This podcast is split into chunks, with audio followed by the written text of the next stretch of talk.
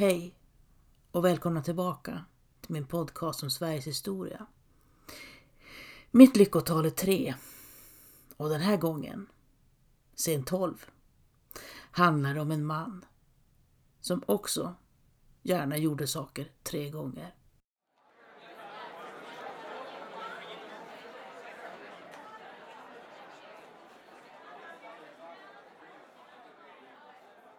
Det hänger en tjuv i storbyn. Ingrid, far, Olof Björnsson och syster Lisa råkar befinna sig på bytorget just nu när såret växer. Nu kommer det! Tjuven blöder från näsan och ansiktet uppe på bödelkärran är en smet av smuts och tårar. Mannen är väl lika gammal som far ungefär, men gråter som ett barn medan han visas upp inför den kokande folkmassan. Det är en simpel tjuv, en förtappad själ. Och när den simpla tjuven får snaran om halsen är Ingrid tvungen att blunda. Hon stoppar fingrarna i öronen men kan ändå höra det. Jublet. Lisa puttar till henne. Men Ingrid, utbrister hon. Du blundar ju. Så här gjorde han. Lisa börjar rycka och hacka med hela kroppen. Ingrid betraktar sin syster med avsmak. Lisa, Lisa, vill hon skrika åt henne. Vad håller du på med? Fast det är klart, fortsätter Lisa när de blir som vanligt igen. Du är ju jämt så rädd. Tjuvens ansikte, smutsen och tårarna får Ingrid att känna sig illamående av yrsel. Nu måste det finnas ett annat slut på berättelsen. Jublet kanske bara betydde att tjuven slet sig loss och sprang iväg. Ingen är rask nog att hinna ifatt honom. Och det som sköter avrättningen, bödeln och hans rackare är alldeles för stinna på brännvin för att ta upp jakten utan de sitter kvar vid galgen och dricker direkt ur buteljerna. Med så snabba steg tar det inte många dagar för tjuven att nå Stockholm. Förresten är alltihop ett misstag. Tjuven är ingen tjuv, utan en god människa, en bagare, som senare öppnar en bod bredvid kungens slott. Det finns bara ett problem med berättelsen om bagartjuven som springer till Stockholm och det är syster Lisa sprattlande och himlande med ögonen. Världen är grym. Och du min syster, vad tänker du på?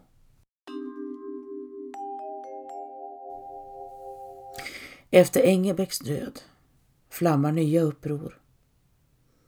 Hans närmaste man, Erik Puke, startar en bonderesning i Södermanland som sprider sig till Närke, Västmanland och Dalarna. Erik Puke göder bönderna med skräckpropaganda om alla hemskheter som väntar under rikshövitsman Karl Knutsson Bondes styre. Karl Knutsson Bonde avstyr upproret tämligen enkelt. Parterna blåser eldupphör och kommer överens om förhandlingar. Men nu blir det upprörande Sancho, så håll i dig, säger Don Quixote. Karl Knutsson struntar i vapenvilan och tar till avrättningar på direkten. Han låter till och med bränna fyra bönder utanför Västerås slott för att statuera exempel. Jag kan just se det framför mig, svarar Sancho Panza. Hur Karl Knutsson slår ihop sina knubbiga små händer så att ringarna blixtrar i solskenet. Det var inte snällt, inflikade Don Quixote. Nej, men kan du kalla Karl Knutsson för snäll då? Karl Knutsson gör som så många andra gjort före honom. Han tar igen från tårna för att sprida skräck och eliminera sina motståndare. Han är varken först eller sist. Sancho Panza griper tag i völvastaven och stöter den i marken. Det där hjälper inte, utbrister Don Quixote. Titta! Krig, pest och bränder. Precis som vanligt. Men jag vill veta mer om Karl Knutsson bonde. På så vis.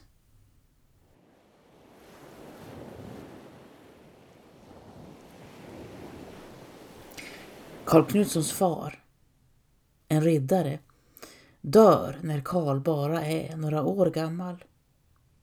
Hans mor gifter om sig och lever till Karl är runt 20 år. Karl reser ut i Europa och blir borta i fyra år. Han lär sig språk och krigskonst och tillbaka i Sverige igen sällar han sig till Engelbrekts uppror. Karl Knutsson gör en snabb politisk karriär. 1435, vid dryga 25, blir han marsk.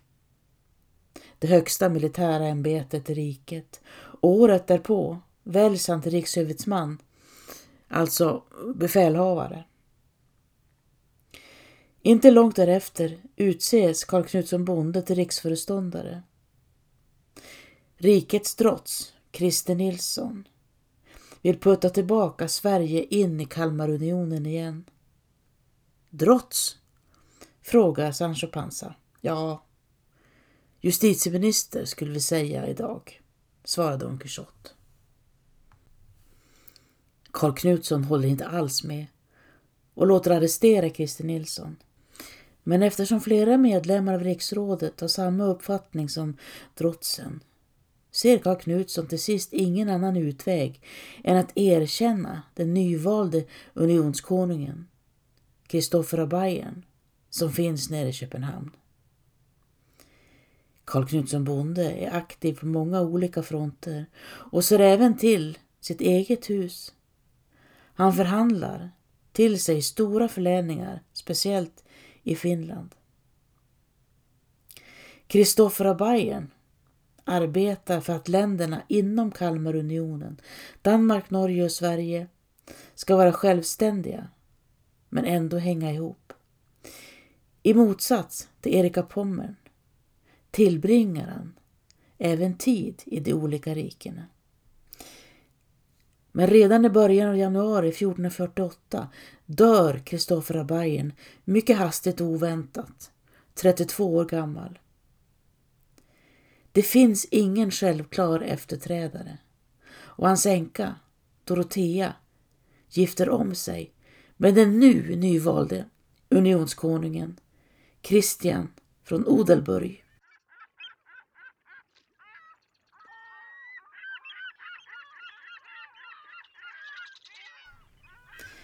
Karl Knutsson bonde, som befinner sig i Finland, bryter upp och reser till Stockholm så fort han kan och samma år väljs han till kung i Sverige. Kalmarunionen knakar i fogarna. En slinker hit och en slinker dit. Det uppstår flera allvarliga interna strider. Danskarna invaderar Gotland och sätter eld på Visby. Och svenskarna härjar i Halland och Skåne. Maktens karusell eller maktens slänggunga. Karl Knutsson väljs till kung även i Norge. Men här stöter han på hårt motstånd från unionskonungen Kristian. Kampen hårdnar både inom unionen och inom riket. Karl Knutsson har dessutom många fiender som slåss mot honom av personliga skäl. Och till råga på allt gör biskoparna uppror. Karl Knutsson ärvde egendomen Fåglavik i Småland efter sin mor. När jag var herre till Fåglavik var jag både lycklig och rik. Men när jag blev kung över Svearnas land vart jag en arm och olycklig man. Men allt är inte strider. Karl Knutsson utfärdar en myntordning. Han reformerar jordbruket, höjer skatter och reser runt i riket och håller räfst och rätta ting. där han drar in kyrkans jord. Missnöjet växer. Inom kyrkan naturligtvis och annorstädes och i början av 1457 är upproret ett faktum. Karl Knutsson bonde inser sitt underläge och flyr till Danzig. När Karl reser sin väg kröns unionskonungen Kristian den första även i Sverige. Men konflikterna fortsätter, liksom upproren.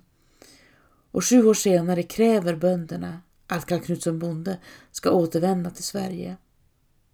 Han kommer, men få sluter upp bakom honom och inom kort är situationen omöjlig igen.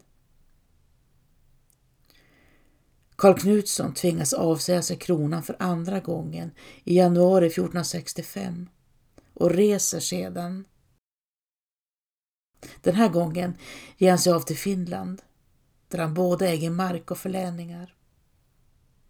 Den nya riksföreståndaren, biskop Kjetil Karlsson, dör i böldpest i augusti samma år och hans efterträdare Erik Tott bryter helt med Kalmarunionen. I november 1467 tågar Karl Knutsson bonde ännu en gång in i Stockholm och tar över kronan. Men alla sprickor och konflikter blossar snabbt upp på nytt.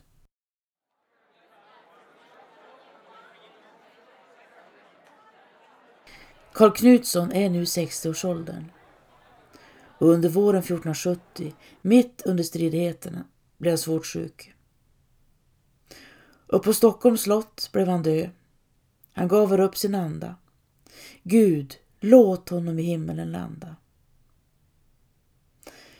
Karl Knutsson Bonde har kallats skrupellös. Dick Harrison går ännu hårdare åt och påstår att han var vidrig.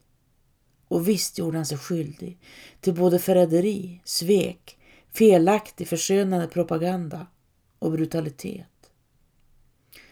Karl Knutsson tvekade inte att göra sig av med sina motståndare.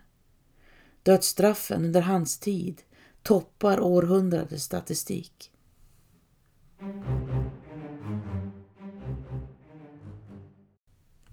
Karl Knutsson bonde var först gift med två högättade adelsfröknar.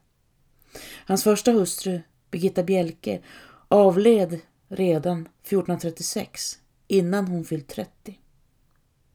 Två år senare gifte Karl Knutsson om sig med Katarina Gumsehuvud och deras bröllop varade i dagarna tolv.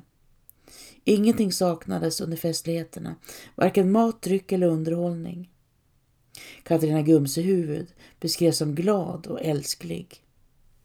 Hon hade nära till skratt, födde nio barn på tolv år och herr Karl höll henne i kärlek och värdighet.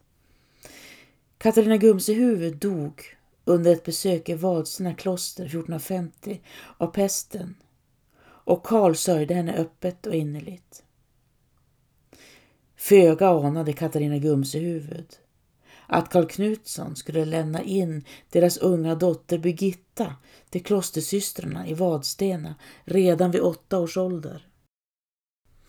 Karl Knutsson har länge legat i konflikt med klostret, ända sedan han avsatte både abbedissan och konfessorn för att de inte höll tillräckligt strikt ordning. Något som Linköpings biskopsdöme påpekat. När han ångrade sig och började fundera över en lämplig försoning ansökte han om påvlig dispens att sätta in sin dotter i klostret trots hennes unga år. Påven gav sitt bifall och abbedissan i Vadstena gick till sist med på att ta emot Karl Knutssons dotter som novis under ett provår trots klosterregeln att novisen måste ha fyllt 18 år när hon avlade sina klosterlöften. Birgitta vigdes till nunna året efter. Klostret pryddes med gobelänger och hon ledsagades till porten av musik. Birgitta ska inte uppvisat någon sorg utan varit full av entusiasm och rusat bort till abbedissan Katarina Bengtsdotter. Birgitta lämnade aldrig området igen. Hon ledde ett lugnt och stilla liv i klostret och dog vid 22 års ålder. Då, 1469, levde hennes far, Karl Knutsson, fortfarande. Om du hade moders hjärta, utbrister Sancho Panza. Dumheter, fräser Don Quixote. Hur skulle det gå till? Men du måste hålla med om att Karl Knutsson var hänsynslös. Vår uppgift är att betrakta och granska, inte döma, fräser Don Quixote. Nu är det du som pratar dumheter, svarar Sancho Panza. Du dömer ju hela tiden, Don Q. 1470, när Karl Knutsson inser att även hans jordeliv går mot ett slut och han snart kommer att ryckas ner från livets hjul, lever endast två av hans tolv legitima barn fortfarande, två döttrar. Han har ingen son och arvinge att sätta sitt hopp till. Men Karl Knutsson finner en utväg. Han gifter sig snabbt med sin frilla Kristina Abrahamsdotter som följt med honom från Finland och som han har en femårig son tillsammans med. Riksrådet ställer sig avvisande. Vid Guds träd, den ofrälse på tronen. Men bröllopet firas i Stockholm med ett femtiotal gäster och sonen Karl förklaras som äkta. När Karl Knutsson närmar sig slutet ger han sin systerson, Sten Sture, uppdraget att tillvarata hustrun och sonen Karls rättigheter efter hans död. Karl Knutsson utser även Sten Sture till rikshövitsman med rätt att styra riket fram till att sonen Karl blir myndig nog och kan väljas till kung. Men så fort Karl Knutsson är död river Sten Sture upp testamentet och samma år utses han till ny riksföreståndare. Karl Knutsson skulle vända sig i sin grav om han visste, viskar Sancho Panza. Nej, Karl Knutsson skulle komma tillbaka och elda upp Sten Sture eller hugga huvudet av honom, svarade Don Quixote. Det är mer hans stil. Kristina Abrahamsdotter påstås ha avlidit 1492. Kanske återvände hon till Finland. Fyra år tidigare hade en man vid namn Karl Karlsson vänt sig till rådstugerätten i Stockholm och krävt tillbaka en del av sin egendom. Han ska ha varit välkänd i staden utan att bo där.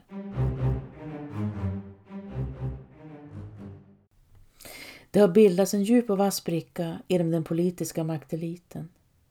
Ena lägret vill att Sverige även i fortsättningen ska tillhöra Kalmarunionen medan det andra lägret önskar att Sverige bryter sig loss och bildar ett självständigt rike. Den nya riksföreståndaren Sten Sture hör till det som konsekvent vill att Sverige ska bryta sig ur. Som röda och vita rosen, nu är det verkligen så, utbrister Don Quixote. Sancho, titta västerut. Mot England. Där har du röda och vita rosen på riktigt. Vad? Inbördeskriget mellan vita rosen York och den röda rosen Lancaster. Men så långt kan jag inte se. Sancho.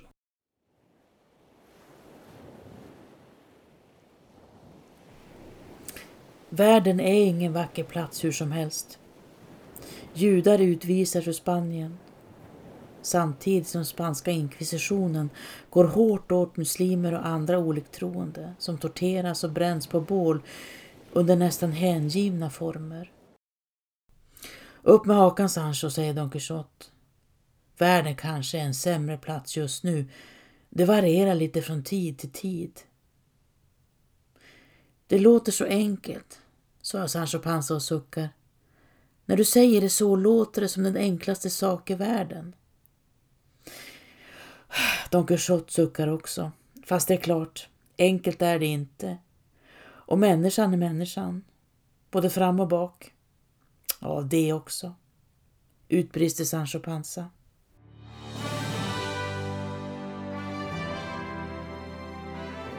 –1481 kröns den nye unionskonungen Hans både Köpenhamn och Trondheim. I 14 år håller Sten Sture unionskonungen Hans stången. Hans är fast besluten att med alla tillgängliga medel behålla Sverige inom Kalmarunionen. Men kung Hans styre blir en besvikelse och Sten Sture som reste till Finland gör sig beredd att återvända. Danskarna tvingas lämna Stockholm. Men innan de ger sig av får Hans drottning, Kristina av Sachsen, uppdraget att hålla uppe motståndet mot svenskarna i väntan på förstärkning från Danmark. Tiden på slottet under belägringen måste ha varit förfärlig för Kristina. Soldaterna dör som flugor och liken staplas i källare och i förråd. Inga danska skepp kommer över havet och efter sju månader tvingas Kristina ge upp.